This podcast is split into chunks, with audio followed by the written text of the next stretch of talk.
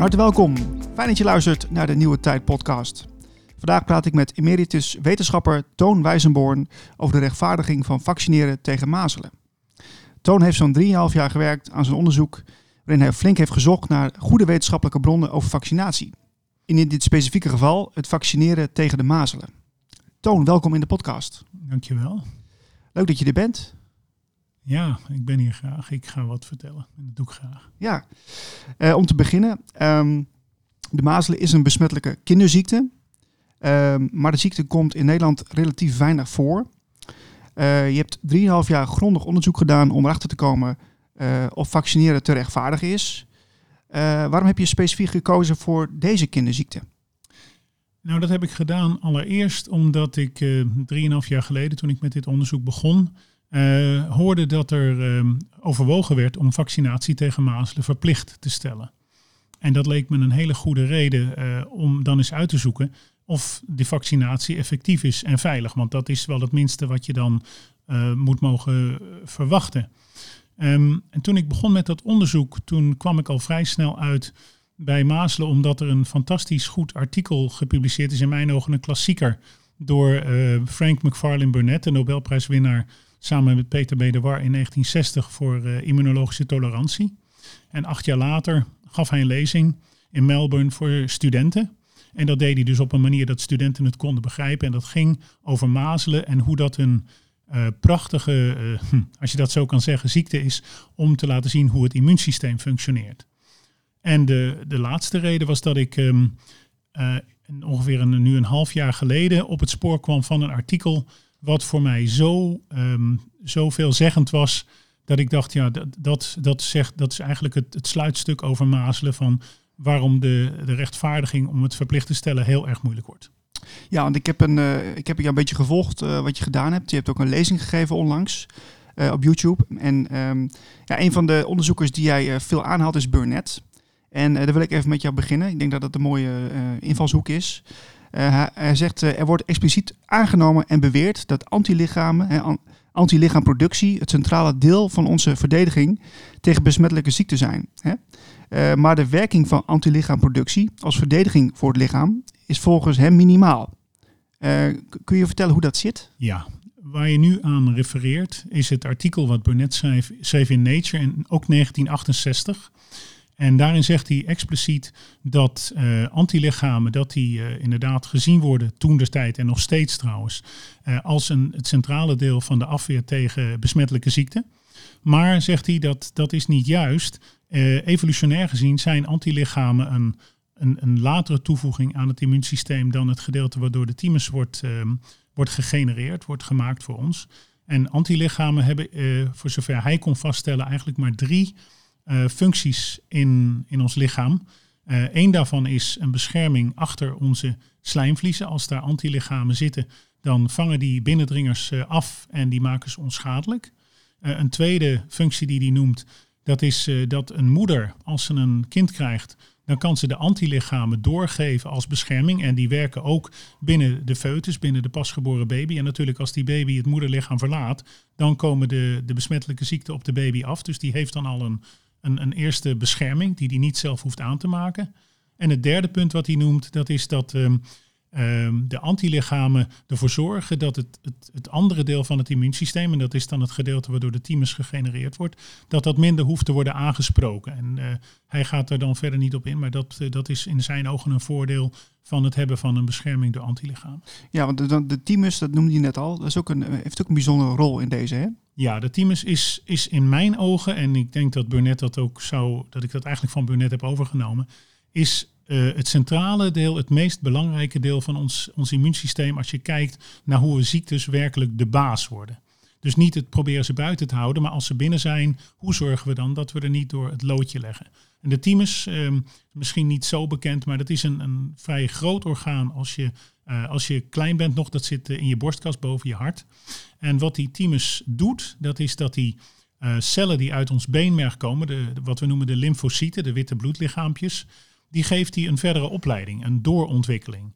En dan worden ze uh, geschikt om als, uh, als deel van ons immuunsysteem te functioneren met een specifieke taak. Dus vandaar dat je dan eigenlijk beter immunocyten kan noemen. Ze zijn gevormd. En ehm, wat betreft mazelen, want laten we daar dan op verder gaan, maakt ons lichaam twee soorten uh, T-immunocyten aan die die, ehm, die die ziekte de baas kunnen. De ene is de, de T-immunocyte die ik in mijn lezing wandknipper noem. Dat heb ik gedaan, een suggestieve naam. Omdat als wij het mazelenvirus één keer in ons lichaam hebben zitten en we zijn zo, uh, zo onachtzaam geweest, ik wil wel zeggen, ons lichaam is zo onachtzaam om het de cellen binnen te trekken, dan kan het daar meedoen met de vermeerdering en dat doet het ook. En dan krijgen we dus dat die cellen geïnfecteerd zijn en eigenlijk voor ons lichaam waardeloos zijn. Die worden leeg gemaakt en opgemaakt voor de vermenigvuldiging van het mazelenvirus. En om dat proces te stoppen, moeten die cellen opengeknipt worden. En deze immunocyten zijn de enige die uh, dat mogen doen. Die mogen herkennen, het is een lichaams-eigen cel en hij is geïnfecteerd. En als die dat herkent, en dat kan die, dan knipt hij hem open. Dan, en dan komt het virus vrij, om zo te zeggen. Dan is het, dan is het binnen bereik van zowel de antilichamen die dan aangemaakt worden, als van de T-immunocyten die uh, zelf ook dat virus onschadelijk kunnen maken. En de reden dat we twee van die groepen hebben die helpen met opruimen, dat is een, een ontdekking die, uh, die, komt, uh, die is goed gedocumenteerd geworden in het midden van de vijftiger jaren door een Amerikaanse ontdekker of onderzoeker, immunoloog. Um, Robert Good, samen met zijn, met zijn medewerker Solomon Zaak.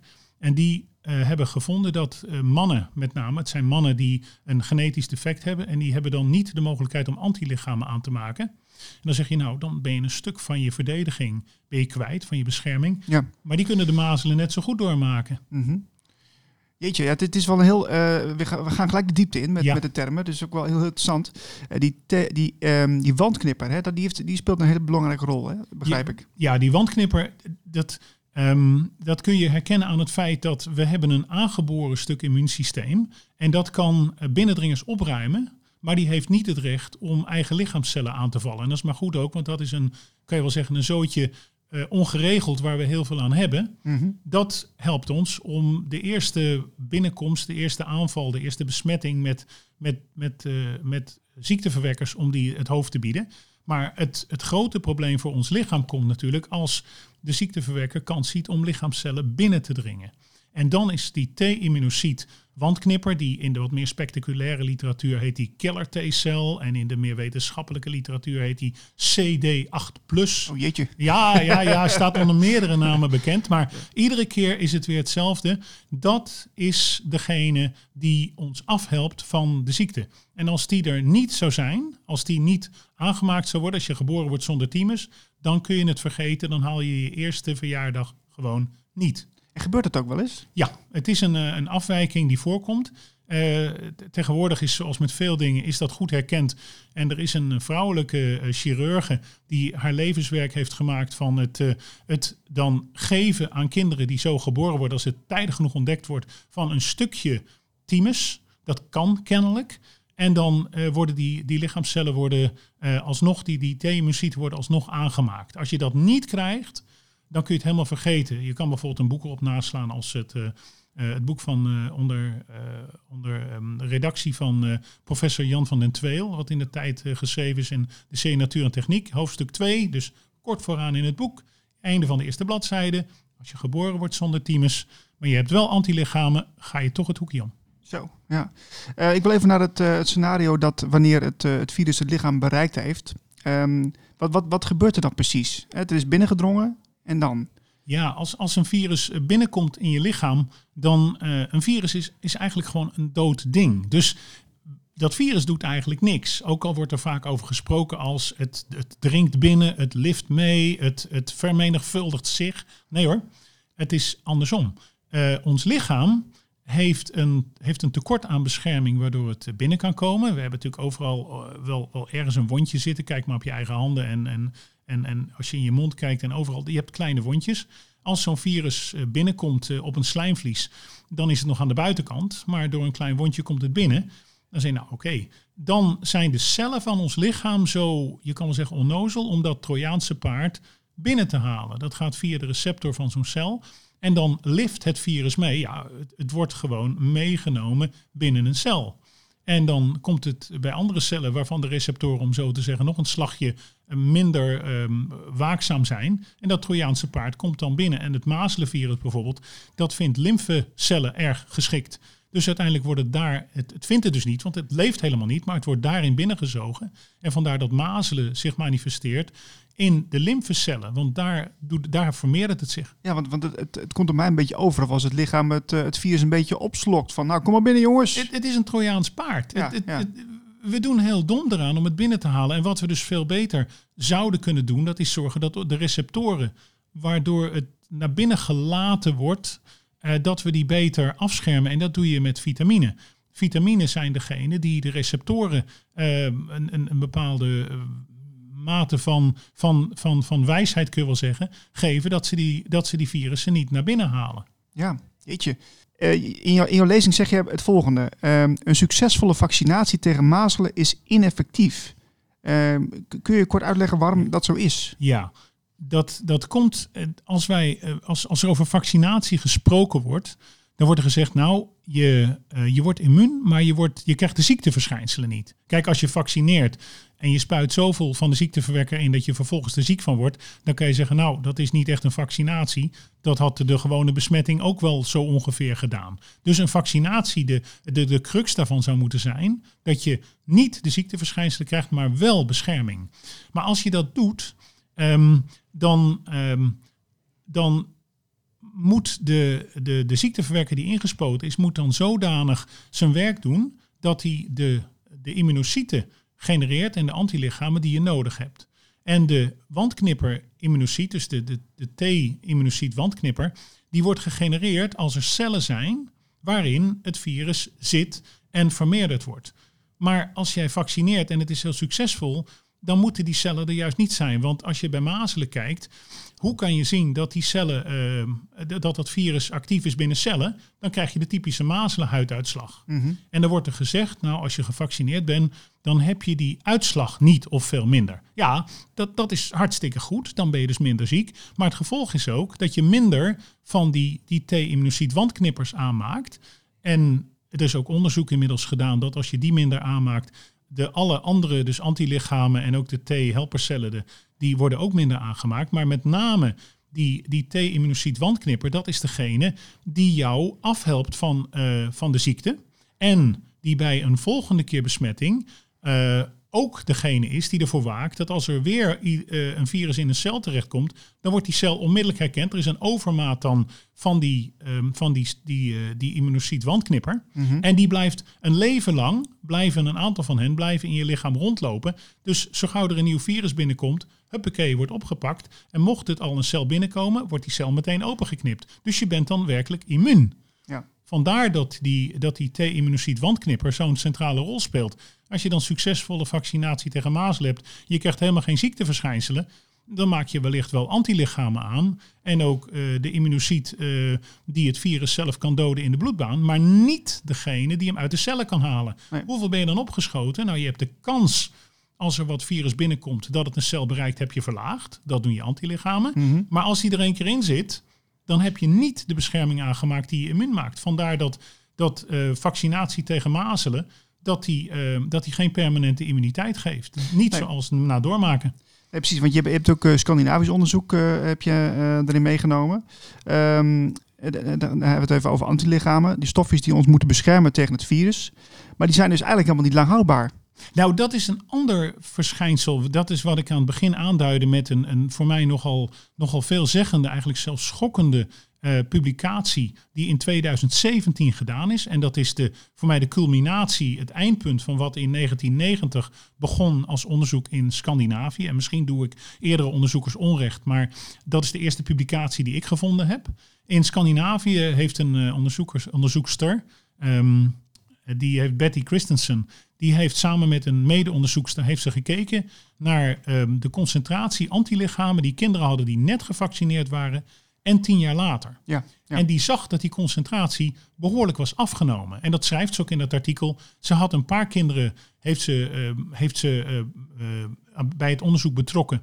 En die, ehm, die hadden de mazelen gewoon doorgemaakt. Die bleken op dat moment, tien jaar later, al veel meer antilichamen te hebben dan zelfs de net gevaccineerden. En helemaal veel meer dan degene die tien jaar daarvoor de vaccinatie gehad hadden. Dus beter beschermd. Dus beter beschermd. En dat, werd, dat waren nog uh, metingen die nog niet zo kwantitatief waren. Maar het is natuurlijk altijd heerlijk om met getallen te spelen. Een jaar of 15, 20 jaar later, in 2012, werd er in Finland werd er een telling gedaan.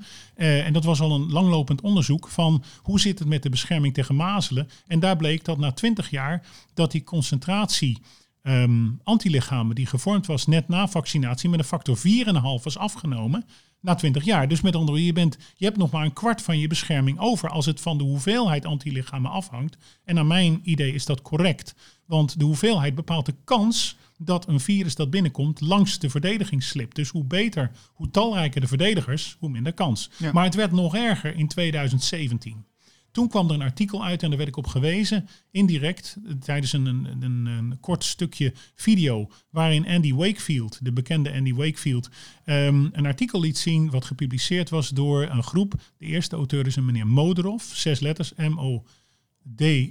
ROF, Modrov, kan je zo op het internet opzoeken. Als je dat intikt, Modrov 2017, gratis te downloaden artikel, zeven pagina's. De eerste figuur die erin staat vertelt je gewoon dat als je twee keer gevaccineerd bent tegen mazelen en je vergelijkt je met iemand die mazelen heeft doorgemaakt, dan heb je nog één achtste van de bescherming van het aantal antilichamen over na een jaar of twintig.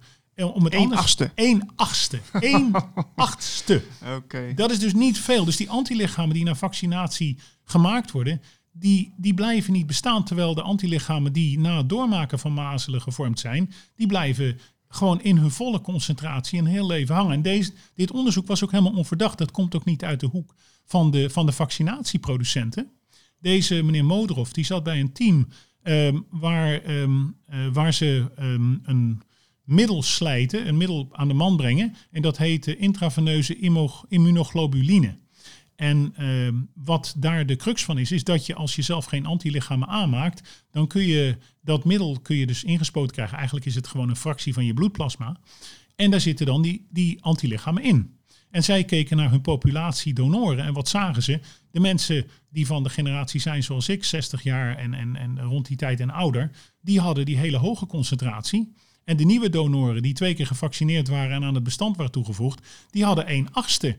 En er is een grens gesteld en die zat daar griezelig dichtbij. Dus zij trokken aan de bel en zeiden van alles goed en wel, maar straks kunnen wij niet meer voldoen aan de grens. En even voor, voor de record, dat is dan uh, ongeveer uh, 0,3 internationale eenheden per milliliter. Dat is allemaal zijn eenheden voor ontwikkeld. En ze zaten er nou net boven. Zo. En toen meenden ze van ja, we kunnen nog wel wat doen. Weet je wat? We vaccineren de mensen die zo'n lage concentratie hebben nog een keer. Het principe daarvan is hartstikke duidelijk. Je probeert gewoon om, om de, de aanmaak van antilichamen nog een keer op te. Ja, maar dat maakt dus niks uit, heb ik begrepen. Nou nee, want wat er toen gebeurde was, hij verdubbelt eventjes kort na de, de vaccinatie. Dan, dan inderdaad, je prikkelt het immuunsysteem. Maar met een, een half jaar was er geloof ik nog iets van 10 of 15 procent van over. En je kan raden wat er na een jaar over is. Dus ze zeiden gewoon, dit gaat ons niet helpen. Zelfs in het artikel, de ondertitel van het artikel zeggen ze al... Uh, gaat dat helpen, die hervaccinatie? En het antwoord is nee. Dus dat hielp ze niet uit de brand. Dus die lui die zeggen van, ja, wat moeten we nou? Onze populatie donoren, die leveren plasma aan met te weinig van dat spul erin. Ja. Hervaccinaren helpt niet meer. Wat moeten we doen? En toen stelden ze voor, en daar krijg ik dan een rilling van. Laten we dan de veilige grens maar verlagen. En dan denk ik, nou, dat zou ik op andere criteria doen. Een veilige grens, dat is, je gaat kijken naar mensen die bepaalde hoeveelheden antilichaam in hun bloed hebben. Je probeert ze te besmetten. En je kijkt hoe vaak dat, uh, hoe vaak dat succes heeft, zo'n soort onderzoek. Ja. Nee, dat gaan we niet doen. We gaan gewoon de concentratie verlagen. Ja, maar met die veilige grens bedoel je dan ook, zeg maar, uh, wanneer je dus die vaccinaties toedient, zeg maar, welke leeftijd is, hebben we het dan daarover of niet? Nou, nee, nee. Oh. Het is de grens die je probeert vast te stellen dat je zegt, als je zoveel antilichamen in je bloed hebt, dan is de kans dat als er een virus binnenkomt, dat je daar ziek van wordt, die is zo klein dat die acceptabel is. Laten we het zomaar formuleren. En daar probeer je een grens voor vast te stellen. En die grens is vastgesteld. Die zie je ook in allerlei artikelen gewoon terugkomen, wordt aangegeven. Dat wordt min of meer als, als, als gegeven verondersteld dat dat genoeg is. En ja, we weten al dat bij volledig gevaccineerde populaties uh, mensen, dus 90 plus, 95 plus procent, dat, uh, dat daar mazelen nog steeds kan voorkomen. Dat is al in 1994 een artikel van, van Gregory Poland, een van de toch wel pro-vaccinatie mensen in de Verenigde Staten. En die schreef gewoon heel, heel expliciet op van jongens, dit ziet er slecht uit. We hebben mensen die zijn gevaccineerd volgens de regels, twee keer en voldoende reactie. En uh, we hebben zo'n percentage, dat was op een school. En daar brak gewoon mazelen uit. En toen zeiden ze van ja, er gaat iets niet goed. Nee. Die bescherming is niet wat we ervan denken. Nee. Hoe komt dat? Hij was heel eerlijk in dat artikel. Ja. Um, ja, een vraag die me zo te binnen schiet. Hè? Uh, want je hebt natuurlijk de, je hebt mainstream uh, tijdschriften, wetenschappelijke bronnen. En je hebt ook alternatieve wetenschappelijke bronnen. waar heb jij gezocht? Of heb je overal gezocht? Ik zoek in de, in de literatuur die pro-vaccinatie is. Dat wil zeggen, ik moet het eigenlijk een beetje voorzichtig formuleren. Een onderzoek bestaat uit, uit een gedeelte waarin je een, een vraag formuleert en een methode opzet waarmee je het antwoord op die vraag kan vinden dat is iets wat aan, aan wetenschappelijke normen moet voldoen. En die kan je vrij gemakkelijk uh, kan, je die formuleren. Het moet reproduceerbaar zijn. Het moet een, het moet een, een, uitslag geven die, die zinnig is, die, die, die, die, die, die je vertelt uh, wat het antwoord is op de vraag die je stelt. Maar met, dat, met dat, die uitkomst van het onderzoek kan je natuurlijk wel zeggen, ja, maar ik vind uh, dat, dat we dan dat vaccin wat we onderzocht hebben vaker moeten gaan toedienen. Want nou, dat, die conclusie die hoef ik niet te onderschrijven om toch het onderzoek te kunnen waarderen. Dat ik zeg, nou, ik, ik heb het bekeken en volgens mij wat ze gemeten hebben, wat ze gezien hebben, dat is van een goede kwaliteit. Maar de conclusies, daar ben ik het mee oneens. En ik heb die, dat, die soorten onderzoek heb ik heel veel uh, bekeken. Uh, dus ik, ik, kijk echt gewoon in, in de hele literatuur. Het hoeft voor mij helemaal niet uh, een, een, een, op een voor, vooropgezette uitkomst te hebben. Wat ik wel zie is dat de literatuur in een soort kramp zit. Want um, de, er is zoveel geld gemoeid met, met, met, met de handel in, in vaccins, met de verkoop, met de toediening. Dat je ziet soms gewoon tussen de regels door dat de conclusie bepaald geworden is door, door de geldgever van het betreffende onderzoek. En dat, dat is natuurlijk eigenlijk kwalijk. Dat zou je niet willen hebben als wetenschapper. Moet je aan de ene kant aan je geld komen. Aan de andere kant wil je graag vrijgelaten worden om de conclusies te formuleren. Zoals je denkt dat ze volgen uit je onderzoek. En ik denk dat het daar op het moment dat het behoorlijk aan schort. Ja, nou, je hoort ook veel verhalen dat wetenschappers natuurlijk ook uh, in de publiciteit moeten komen om, uh, om centjes te verdienen. En dan is het ook heel aanlokkelijk om af en toe net een andere conclusie neer te zetten. Absoluut, absoluut. En je hoort de schandalen op het moment toch, toch wel relatief vaak. Ik, ik weet niet of, of, of, veel mensen dat gevolgd hebben, maar er was een publicatie in de Lancet over COVID-19. Ja, ja, ja. Ja, ja. ja oké, goed, ik hoor het al. Ik dus ken dat, hem, ik ken hem. Dat zal velen bekend zijn. En dat is natuurlijk een gênant verhaal dat daar onderzoekers hun naam hebben geleend. En dat blijkt dat de data gewoon frauduleus zijn. Ja, ho nou even. En liefst niet in de Lancet, wat een gerenommeerd uh, tijdschrift is. Absoluut. Even terug naar, naar jouw onderzoek. Um, ik was even benieuwd van, maakt het nou uit of, of de moeder uh, van, het, van het kind gevaccineerd is? Ja, daar, daar snij je een, een gevoelig punt aan. Want, uh, en ook het RIVM heeft dat, heeft dat heel duidelijk herkend. In 2013 is Sandra Waaienborg ge, gepromoveerd op onderzoek hiernaar. Um, als jij zelf uh, een bepaalde hoeveelheid, als moeder moet ik dan zeggen, een bepaalde hoeveelheid antilichamen in jouw bloed hebt zitten, dan geef je die door aan je foetus. En die antilichamen, die, die zijn uh, zowel, dat, dat zijn gewoon de, de, de, de, de, de stoffen die een, een binnenkomend virus onschadelijk kunnen maken. Dus die werken zowel bij de moeder als bij het kind. En hoe meer je daarvan aan je kind meegeeft, hoe beter het kind in die eerste paar maanden beschermd is. Want dan werkt het eigen immuunsysteem nog niet, dat is in opbouw. En dan heeft het die bescherming van de moeder. En als je dan minder en minder gaat meegeven, dan is die foetus minder beschermd. En dat hebben ze bij het RIVM onderkend. Er is onderzoek naar gedaan. En uh, precies wat ik er straks aan de orde stelde, uh, meisjes die uh, de mazelen hebben doorgemaakt en die kinderen krijgen, die geven die volle map, die volle concentratie antilichamen door aan hun kind. Dus die baby's zijn, zijn maximaal beschermd. Maar als je dan twee keer gevaccineerd bent en je geeft een achtste van die hoeveelheid door, dan kan je natuurlijk op je vingers natellen dat die baby minder bescherming heeft. Ja, dat is logisch. Dat is logisch. En als die antilichamen dan ook nog eens een keertje blijken niet erg duurzaam te zijn, dat ze ook nog eens in de tijd uh, verdwijnen, dan, dan is het van oei, dat is twee keer een min. En wat moet je dan doen? En, en toen heeft het me verbaasd toen ik dat, dat, eh, dat onderzoek van Sandra Waaienborg las. Dat het, argu- dat het, eh, het, eh, het advies is niet van zullen we niet tegen, tegen de moeders vertellen als ze dochters krijgen van joh, als je begint met vaccineren, dan is het beslis je voor je dochter dat ze haar kinderen minder bescherming gaat meegeven. Nee, zeggen ze dan, laten we de baby eerder vaccineren. En wat je dan doet is dan zeg je ja, dan komen de antilichamen. Ja, natuurlijk. Die baby zelf, die maakt die antilichamen aan, zoals, eh, zoals al, eh, altijd als een virus binnenkomt. Maar dan, dan span je volgens mij het paard achter de wagen. Want in plaats van dat je de baby de bescherming van de moeder geeft en het immuunsysteem de tijd geeft om te ontwikkelen, ga je het immuunsysteem meteen provoceren. En niet een beetje, er komt virus binnen. En dat virus is in principe voor, eh, voor een baby dodelijk als het geen T-immunocyten aanmaakt die de besmette cellen kan openmaken. Ja, want ik, ik, ik verbaas me er echt over, Toon. Want het is, je, je, de, de, de- wat ik uit die lezing haalde was ook dat ze soms na zes weken al eh, kinderen een vaccinatie geven. Nee, nee dat, is, dat, is, dat heb ik in die lezing misschien niet, niet helder genoeg uitgelegd. Oké. Ehm, wat er bij ons gebeurd is, en dan moet ik even iets persoonlijks vertellen over, over mijn vrouw en mij. Want daar is inderdaad, daar hebben we het over zes weken. Wat er bij ons gebeurde was, ehm, mijn vrouw was zwanger. En dat is natuurlijk een hartstikke blijde gebeurtenis. En eh, toen ze dat eh, na een week of vijf tegen de moeder zei, toen zei hij, oei, hartstikke mooi, gefeliciteerd. Maar ik weet niet of je rode hond hebt doorgemaakt. En eh, rode hond is bekend, dat kan geboortedefecten, dat, dat kan gewoon een, een kind opleveren wat eigenlijk van de geboorte af eh, invalide is. Eh, blindheid of, of, of, andere aandoeningen, hersen, he- he- minder functioneren van de hersenen. Ehm, en toen zei mijn vrouw van ja jeetje, ja, wat moet ik er nou aan doen? En Weet je wat, ik consulteer de huisarts en ik vraag aan hem van wa- waar doe ik verstandig aan?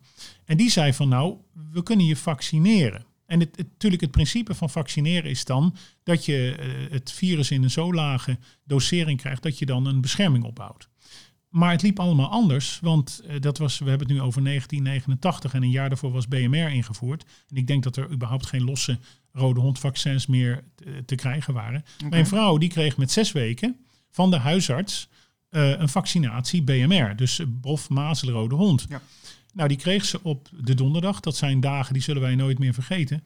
En ehm, s- donderdag 's ochtends. En dat weekend gingen wij naar België, naar vrienden van ons, een, een huwelijk. En mijn vrouw die zei al gelijk toen we die kant op gingen, mijn buik is een beetje onrustig. Ik voel me niet lekker. Mm. Nou ja, oké, goed, er kwamen we allemaal doorheen. Maar maandagavonds stoten, eh, werd het vruchtje gewoon afgestoten. Dat was gewoon een spontane abortus die, die daar plaatsvond. Ja. En toen de tijd vroegen we aan de verloskundige, want we natuurlijk met zes weken hadden we al wel iemand eh, op het oog. Van joh, wat, hoe kan dit nou? En die zei nou, de natuur is eh, nogal strak. Als er een vruchtje is, dan zijn er bepaalde momenten waarop er getest wordt of dat vruchtje intact is. En als dat ziekelijk wordt of het overlijdt, dan stoot het lichaam het af. Dat is de natuur nou één keer. En het kan best zijn dat er wat mis was met die vrucht die jouw vrouw droeg. Dat is fijn. Nou, we begrijpen nu veel beter wat er gebeurd is. Als je namelijk op die leeftijd van zes weken aan een foetus eh, eh, een paar virussen gaat aanbieden. En de thymus is nog niet ontwikkeld, is misschien zelfs niet eens in rudimentaire vorm, ja, rudiment, de meest rudimentaire vorm aanwezig, maar kan nog niks voor je doen. Mhm. Dan komt zo'n virus in de lichaamcellen, kan daar vrijelijk zijn gang gaan. En dan is het gewoon einde verhaal. Dus bij ons is dat gebeurd. En, en als ik dat dan leg naast wat er nu gebeurt, dat het RIVM op zijn website zegt, nou vrouwen, bescherm je kind maar tegen kinkhoest. Met 22 weken, dan geef je een prik tegen kinkhoest. Dan krijg je die bacterie Bordetella pertussis, krijg je dan in een verzwakte vorm. Dit is een bacterie, krijg je Ja. binnen. Je lichaam, het lichaam van de foetus, moet daarop reageren. Want het, het, het bloed komt overal en die, die bacterie komt bij die foetus. Zelfs in, in een kwestie van minuten heeft die bacterie dat die foetus bereikt. Als die foetus een thymus heeft die nog niet in staat is om voldoende T eh, en voldoende tijdig die T-immunocyte wandknipper te maken, dan komt die bacterie in de cellen van het kind terecht en doet daar zijn dodelijke werk. Ja. Of op zijn minst maakt het het kind ziekelijk. En 22 weken, is dat... eh, Ja, dat is nou een goede vraag. Ja. Is de thymus dan al in staat om die klus te klaren? En omdat ik dat niet weet, zocht ik op de website van het RIVM naar iets wat mij aangaf dat dat veilig was, dat dit onderzocht was. Ik heb geen woord daarover gevonden. En dat vind ik het ergste.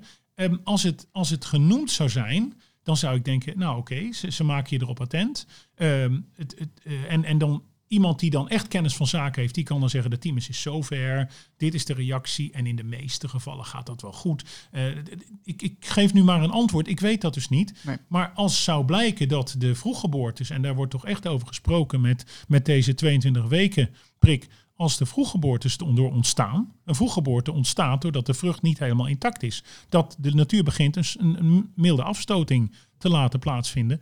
Dan denk ik, nou, dan, dan is dat helemaal niet zo wijs om te gaan adviseren om uh, met 22 weken zo'n prik aan vrouwen te geven. Ik, ik, ik vind dat eng. Ik zou het in ieder geval zeker niet doen. Nee, ik vind het wel uh, heel risicovol inderdaad. Ja. ja. Um, nou, Toon, je hebt echt wel 3,5 jaar heb je onderzoek gedaan hè, naar dit uh, onderwerp. Um, wat, wat kun je als conclusie hiervan zeggen? Nou, de, de conclusie voor mij is, um, mijn, dus, dus dat neem ik helemaal voor persoonlijke rekening. Ik zou als eerste zou ik vaccinatie tegen mazelen zou ik niet, niet meer overwegen. Wat, wetende wat ik nu weet, dat de bescherming inferieur is en dat je geen immuniteit daardoor krijgt. Um, ja, ik denk dat, ik, dat, ik, dat dat voor mij het, de, meest, de meest diepgaande conclusie is. Oké. Is toch wel uh, best wel heftig dat, dat, dat dit niet breder gedragen wordt, hè? Ja, dat ja, daar kan ik alleen maar ja op zeggen. Ja. Dat vind ik ook. Ja, daarom, daarom ben ik nu graag ook hierbij en ben ik blij dat je me de gelegenheid geeft om deze dingen gewoon te vertellen. En iedereen die dit wil nakijken, pak mijn lezing erbij op het internet. Aan het einde van de lezing staat een, staat een lijst met alle artikelen die ik geraadpleegd heb. En ik ben zelfs bereid om als mensen me aanschrijven en ze zeggen, joh, ik wil er wel met je over discussiëren, dan stuur ik die artikelen naar je op. Uh, ik weet wel dat ik daar voorzichtig moet zijn met copyright, maar het is in, in het kader van een wetenschappelijke discussie. En dan praten we erover. En ik, ik, vind, dat, ik vind het, voor mij is het een genoegen om, om daarover te praten. En ik vind het helemaal niet erg als ik dingen fout heb. Maar laten we die discussie hebben. Klopt het wat ik allemaal gevonden heb? Heb ik het goed begrepen en breng ik het goed naar voren? Ja, ik vind het een heel belangrijk onderwerp en ik vind het ook heel mooi dat je dat onderzoek gedaan hebt. Um, ja, ik, mijn podcast gaat over de nieuwe tijd. Uh, dat is dus een, een toekomstbeeld waarin ik van denk van nou, daar moeten we met, met een positief gevoel naartoe een mooie, mooie toekomst. Ja. En met, met mooie veranderingen. Je hebt je de afgelopen, afgelopen jaren flink uh, ingezet voor de wetenschappelijke onderbouwing van het onderzoek. Um, wat, wat zou nou een mooie ontwikkeling zijn voor de toekomst aan, als, je, als je dit meeneemt? Ik weet dat ik nu iets ga zeggen wat ongetwijfeld door mensen zou worden tegengesproken. Maar een prachtige ontwikkeling die ik de afgelopen notabene maanden zag, dat was dat het mogelijk is om stoffen en combinaties van stoffen te maken die een virus frustreren in zijn vermeerdering. Dat is uh, de fameuze, voor sommige mensen infameuze, hydro hydroxychloroquine samen met zink, dat dat de vermeerdering van het COVID-19-virus in de cellen frustreert. Dat betekent dat het eigen immuunsysteem kan, uh, kan zijn aan kracht winnen, kan zich, kan zich meer en meer te weerstellen. En daarmee krijg je tijd om het eigen immuunsysteem de klus te laten klaren. En ik vind dat een, een, een ontzettend hoopgevende ontwikkeling. Ik weet dat, uh, dat er in Nederland uh, door, uh, aan het AMC door onder andere dokter Lia van der Hoek aangewerkt wordt. Um, aan het maken van wat ze noemen antivirale middelen. Ik weet ook dat er een debakel geweest is met Tamiflu in 2009 dat bleek dat dat helemaal niet werkte tegen de Mexicaanse, Mexicaanse griepvirus. Dus het, het, is, het is zeker een moeilijk onderzoek. Maar ik zou het ontzettend hoopgevend vinden als er meer van dat soort stoffen gevonden werden, ontwikkeld werden. Zodat we aan de ene kant ons eigen immuunsysteem laten doen waar het, waar het, waar het voor ontwikkeld is, waar de hele evolutie uh, zijn bijdrage aan heeft gegeven. En niet met een vaccin proberen om het, om, het, om, het, om het moedwillig in gang te zetten. Maar laat het Geef het de kans, geef het de tijd om zelf in actie te komen. En ik denk dat dat het meest hoopgevend is wat ik in de afgelopen weken gezien heb. Ja, want het antivirale wat je net benoemt, uh, dat is ook door huisarts Rob Elens uh, geopperd. Ja. Ja. Um, en daar moet je er volgens mij wel uh, in een vroeg stadium bij zijn. Ja, dat is, dat is iets wat, wat, wat, heel duidelijk werd uit al die onderzoeken. Ook het, het onderzoek van, van DJ in, in Frankrijk, Raoul DJ. Um, dat als je in het vroege stadium dat toedient, dan heeft dat frustreren van die, van die vermeerdering heeft zin. Dat is, heeft aantoonbaar zin. Op het moment dat je in het stadium zit dat de, dat, dat de beschadiging met name van de longen al voluit heeft plaatsgevonden, ja, dan kan, je, dan kan je wel blijven injecteren. Maar dan is het niet meer de vermeerdering van het virus die bezig is om je het hoekje om te helpen. Dan is het de schade die je al aan het oplopen bent. En die, die blijkt hier niet zo op te reageren. Dus ik vond het ook bepaaldelijk ehm, misleidend dat er nu onderzoek gepubliceerd werd, waarbij mensen in het laatste stadium, zeg maar, als, als ze al hartstikke doodziek zijn, dan dit middel krijgen en ook nog in hoge, hoge dosering. Want je kunt zien aankomen dat dat niet is waar het gaat werken. Het hele principe is daar niet op gebaseerd. We kennen in dit geval het mechanisme. De hydroxychloroquine is, is de transporteur en het zink is zeg maar de frustreerder van de vermeerdering. Mhm. Maar, maar dat, dat, dat moet je niet gaan geven op het allerlaatste moment. Dat heeft helemaal geen zin. Nee, precies. Um, Toon, uh, we zijn klaar. Dank voor je tijd. Ik vond het een mooi gesprek. Het was een genoegen voor me om hier te kunnen praten. Dankjewel. Voor meer informatie en podcasts ga je naar de website blikopdemaatschappij.nl